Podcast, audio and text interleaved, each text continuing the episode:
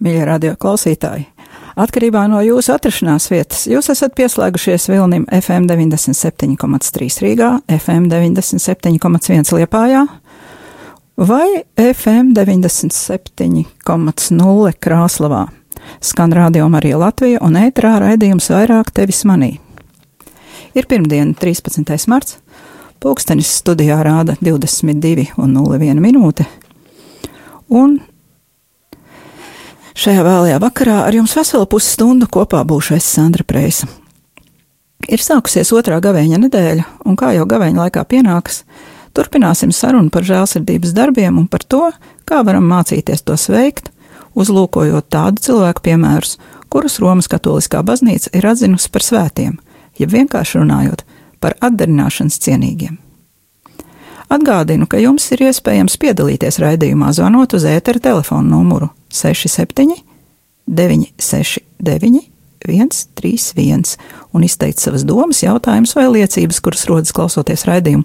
Tāpat varat izteikt arī savas atsauksmes, rakstot īsiņu uz numuru 2667 72 72, sūtot vēstules uz adresi vairāk tevis manī at gmail.com vai sūtīt ziņojumus caur raidījumu Facebook lapu. Tāpat arī, ja jūs vēlaties noklausīties iepriekšējos raidījumus, varbūt pat no pagājušā gada, rakstiet e-pastu un es nosūtīšu jums interneta saiti. Tagad, kā parasti, sāksim ar lūkšanu, un tad turpināsim pārdomāt, kā izmantot savas nelielās raidījumos iegūtās zināšanas par Svētā Dominika un Svētās Katrīnas no Sienas dzīvi un viņu dievu pieredzi, lai mēs paši varētu toties dievam, bet katrs pa savu ceļu. Šodien, šodien ir vārda diena Ernestam un Balvim, un daudziem ir arī dzimšanas diena. Arī man ir divi to cilvēki, kur dzimuši 13. martā. Par viņiem arī lūksimies, un tāpat lūksimies arī par visiem radio Marija atbalstītājiem visos viņu un viņu to cilvēku nodomos. Un šovakar palūksimies ar vārdiem, ar kādiem lūdzās paša Dominika dibinātajā klostrī Fanžē pilsētā Francijā.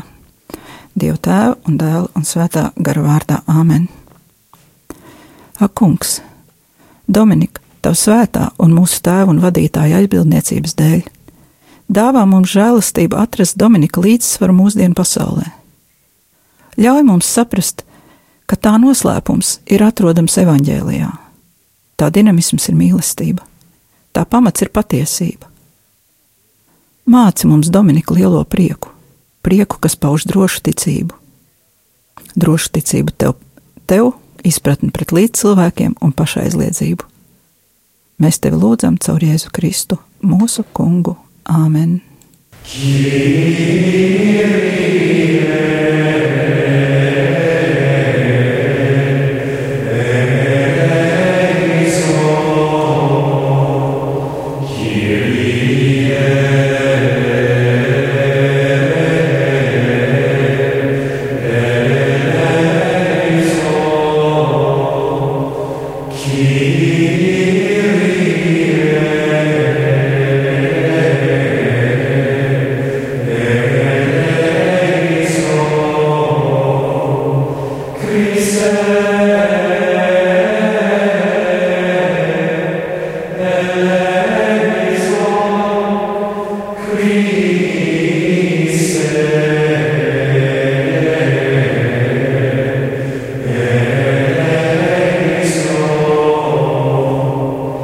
Christe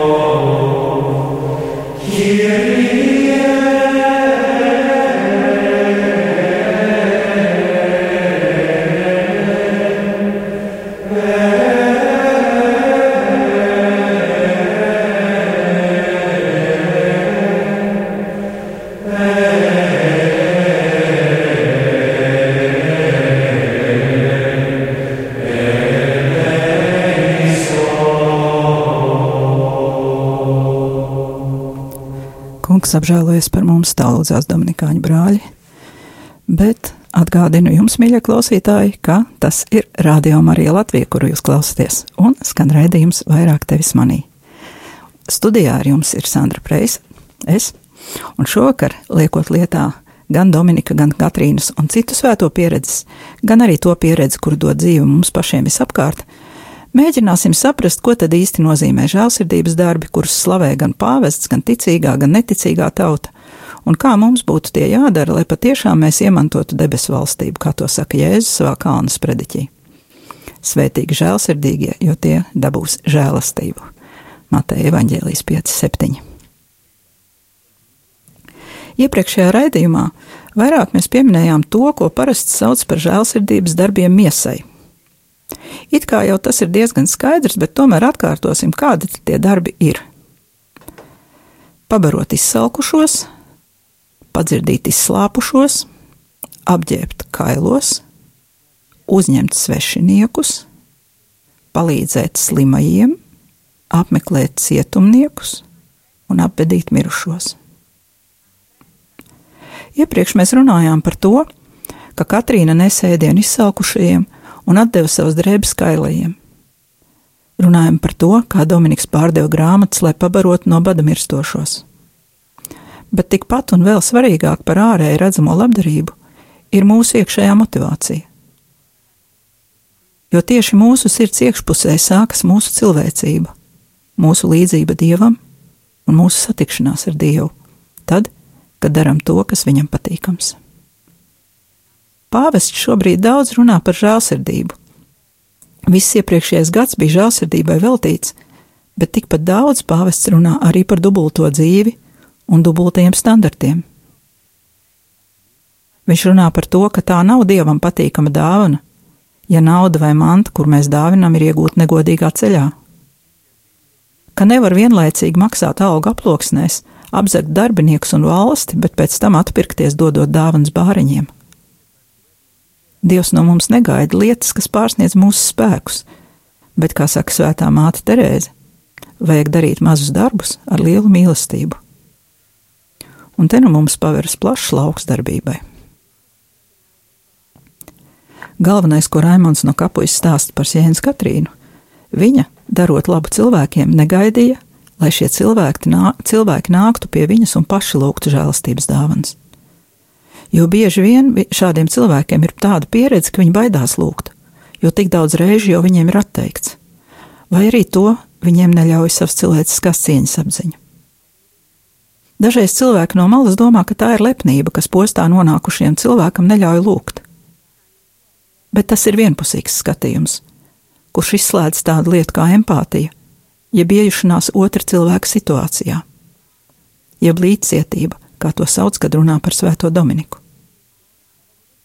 Tā ir spēja otra cilvēka sāpes izjust kā savējās, un tad viss paveras pavisam citā gaismā. Mēģināsim ieiet ikdienišķā situācijā, līdzīgā kāda bija gadījumā ar Katrīnu, kuru nesa ēdienu atraitnē ar daudziem bērniem. Šī atraitne nebija Katrīnai to lūgus, bet Katrīna to darīja, bez tam viņa to darīja slepus, lai nepazemotu šo sievieti un nelikt viņai pateicībā krist pie savām kājām. Viņa palīdzēja nepazemojot. Un mēģināsim iedomāties līdzīgu situāciju šodien. Kāda sieviete, kurai ir bijis ļoti labs vīrs, un ir vairāki bērni, pēkšņi šo vīru zaudē. Bet viņa pati bērnu dēļ nav strādājusi, un pat ja strādā, tad cik ir jāpelna, lai par vienu algu uzturētu, piemēram, četrus cilvēkus, no kuriem trīs ir augoši bērni. Ja šī sieviete apzinās savu un savu bērnu cilvēcisko cieņu, viņai ir ārkārtīgi grūta izvēle. Jo nabagos un lūdzējus parasti izsmeja vai tiesā, gan skolā klases biedri, gan arī līdzcilvēki pieaugušie. Viņa apzinās, ka bērni ir pelnījuši cienīgus apstākļus un ka vecāku pienākums ir tos nodrošināt, bet viņa objektīvi to nespēja. Ko darīt? Vai atdot bērnus bāriņtiesai un adopcijai? Ja viņi staigās un reklamēs savu situāciju un meklēs pabalsts, visdrīzāk bāriņu tiesa iejauksies un tā arī notiks. Un te ir mūsu darbs. pašiem pamanīt šādas situācijas un pasniegt roku. Palīdzēt atrast labāku darbu, lētāku dzīvokli, samaksāt par malku, un vēl neskaitām daudz citu lietu, lai ģimene varētu nostāties uz kājām un bērni uzaugtu paši savā ģimenē un nevis pie svešiem cilvēkiem. Ja atceraties, 2012. gadā Samariešu apvienība rīkoja kam kampaņu Lūgt ir grūti, palīdzēt ir viegli, lai par iegūto naudu veidot pārtiks pakas. Varbūt kāds atceras arī šīs fotogrāfijas ar pelēki krāsotiem cilvēkiem uz operas fona. Latvijā ir tūkstošiem ģimeņu, kuras ir spiestas lūgt palīdzību, bet vai mēs pa īstam apzināmies, cik tas ir grūti? Šādos brīžos cilvēks vēlētos būt neredzams. Un tieši šādi, it kā neredzami cilvēki, kļuva par kampaņas galvenajiem tēliem, un viņi vienu dienu pavadīja pie Latvijas Nacionālās operas parādas durvīm, kļūstot par apskates objektu garām gājējiem. Jo tad, kad cilvēks ir izmisumā novests un lūdz, Tas nevienmēr audzina viņa pazemību, kā mums patīk domāt, lai attaisnotu savu nejūtību. Ir gadījumi, kad cilvēks novests līdz izmisuma dziļākajai pakāpei vienkārši salūst un pazaudē savu dievu bērnu cieņas izjūtu. Ne visi ir tik stipri garā un ticībā. Bet, ja cilvēks grūtībās sajutīs mūsu līdzcilvēku mīlestību, tā var dot milzīgu spēku un atspērienu punktu, lai pie pirmās iespējas šās cilvēks nostātos pats uz savām kājām. Es pazīstu ģimeni personīgi, kur bija līdzīgā situācijā. Šai ģimenei gāja visādi. Vieni pazemoja un tiesāja, citi palīdzēja līdzīgi Katrīnai, negaidot, kad šie cilvēki noslīgs dubļos. Viņiem izdevās izdzīvot un nesabrukt. Tagad bērni ir jau lieli, un viņi nav zaudējuši ticību, labi pelna un dod mīlestību tālāk, palīdzot līdzīgā veidā tiem, kuri nelūdz. Jo mīlestība izplatās. Tā vienmēr nes augli. Ja vēlamies palīdzēt, un mums ir tāda iespēja kaut ko dot, bet personīgi mēs nevienu nepazīstam, tad vienkāršākais ceļš ir sameklēt tuvāko organizācijas karitas filiāli un painteresēties, kam un kas būtu vajadzīgs, jo viņiem ir šāda informācija vai vēl vienkāršāk Google sameklēt aplikāciju Gavēņa kalendārs 2017 un to uzinstalēt savā telefonā. Tur katru dienu parādās, kādas vajadzības ir kādam cilvēkam un kādas ir iespējas izdarīt kādu žēlsirdības darbu. Bet ko darīt tiem, kuriem ir labā griba, bet nav iespēju? Fiziski vai materiāli, piemēram, pensionāriem, kuri paši tik tikko var savilkt galus, vai cilvēkiem, kur dažādu iemeslu dēļ paši ir atkarīgi no citiem vecuma vai slimības dēļ. Un šeit pirmo atbildi sniedz Svētā Terēza no bērna Jēzus, kuras dzējoli ar Ligits kursišas mūziku mēs tūlīt noklausīsimies muzikālajā pauzē. Gaļieši mirdzi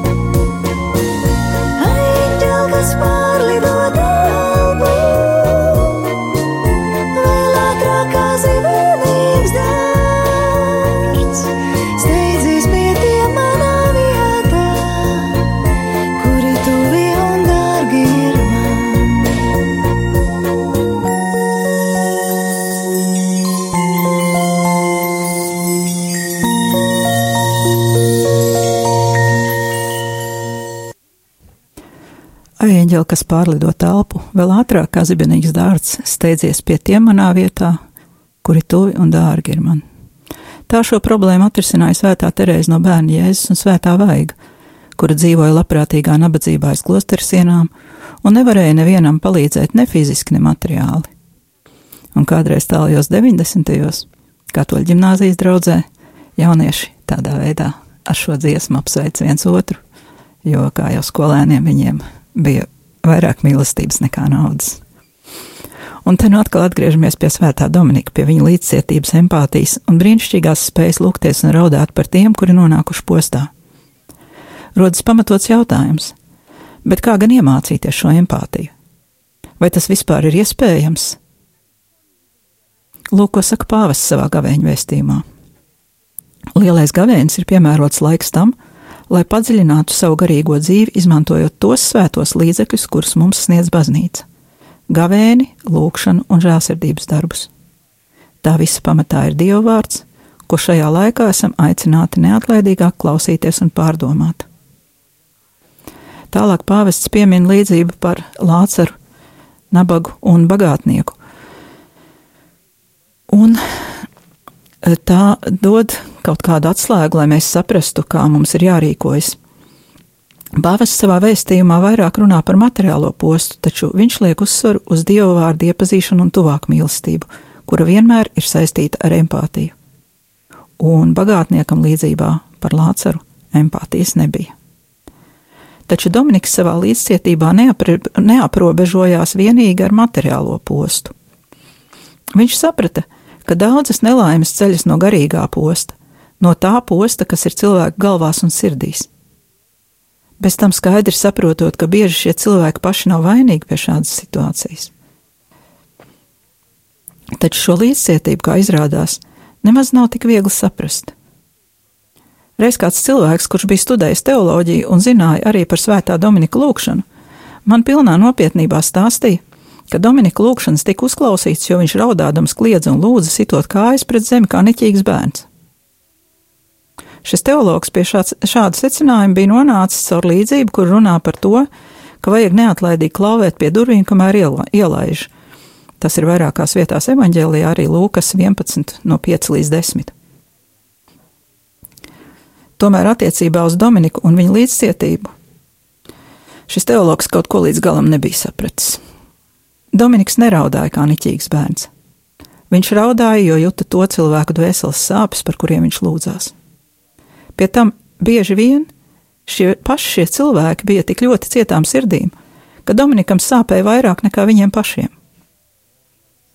Svētie raksti saka, satriekt un pazemotu sirdi Dievs tu nenicināsi. Un Dominika sirds bija satriekta, līdzīgi Jēzus sirdī cilvēku grēku un posta dēļ. Tas bija iemesls, kāpēc viņa lūgšanas tika uzklausītas. Un tas bija pamats, uz kura Dominiks dibināja savu ordeni. Un te nu mēs nonākam pie žēlsirdības darbiem cilvēka dvēselē. Nākamajā raidījumā mēs šo tēmu izskatīsim dziļāk, bet šovakar vēl mazliet par empātiju. Kā to iegūt un vai to var iegūt, jo Dominiks to bija. Nu, mēs vismaz domājam, ka saņēmis no Dieva. Vai varbūt mums tā jau ir, tikai mēs paši to nezinām? Zinātnieki saka, ka empātiju iemācās cilvēki, kuri no bērnības daudz lasa, jo grāmata liek iztēloties gan situācijas, gan personas un iejusties dažādu varoņu un nevaroņu ādā. Tāda efekta praktiski nav vizualizācijām, tā skaitā arī filmām, kuras uzbūr pārsvarā mirkļa sajūtas, jo lielākā daļa jau ir pateikta priekšā. bet ļoti labi mēs varam mācīties empātiju ģimenēs un kopienās. Piemēram, izzināt mūsu bērnu sapņus, intereses un spējas, un tad vest viņus uz tādām nodarbībām, kuras ir viņiem piemērotas un nevis atbilst mūsu ambīcijām. Svētā Klāra, piemēram, naktī esot cēlusies, lai paskatītos, vai māsām nav augsti, un apsegus, ja kādai bija miegā noslīdējusi sega. Mēs taču arī tā darām saviem mīļajiem, vai ne? Mēs varam klusi izzināt, ko dāvinā vēlas saņemt tuvs cilvēks, un viņam uzdāvināt tieši to, ja mums ir tāda iespēja. Tur arī sākas empātija ar labvēlību. Vēlēt cilvēkam pašu labāko, bet vispirms saprast, kas ir labākais tieši šim cilvēkam. Kādreiz kāds man pazīstams cilvēks stāstīja, ka viņam jaunībā patikusi kāda dziesma. Šodien šim cilvēkam ir dzimšanas diena, un es ceru, ka viņš klausās šo raidījumu. Dziesma nav no kristīgā repertuāra, bet vārdi ir labi. Un tas ir tas mazais darbiņš, ko es šodien varu izdarīt. Es ceru, ka dziesma patiks arī citiem jubilāriem. Skan Black Sabbath, Ozijas Osborns un dziesma šī izgan.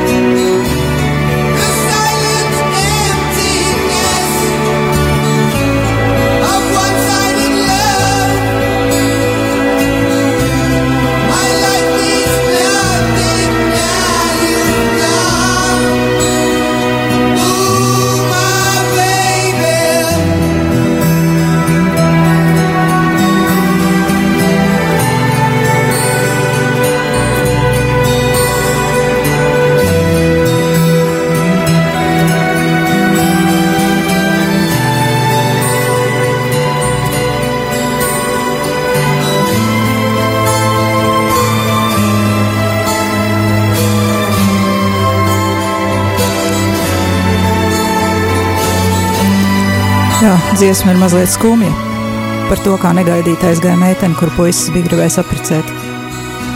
Bet varbūt tā ir tieši atbilstoša gavēnim, jo neviens cilvēks no mūsu dzīves neaiziet tāpat vien. Iespējams, ka mēs paši esam sadarījuši kaut ko nesevišķi skaistu. Latviešiem ir tāds teiciens, viena pagala nedeg. Bet par to, ko varam darīt, lai cilvēki nāktu pie mums un nevis ietu prom. Mēģināsim saprast nākamajā raidījumā. Turpināsim gan par empātiju, gan par dāvināšanu, gan par mīlestības darbiem cilvēka dvēselī. Bet tagad es, Sandra Prēs, no jums atvados, izskan redzējums vairāk tevis manī, ar lūgumu pēc svētības, Svētā Dominika sekotāju izpildījumā. Benedicamus, benedicamus Domino.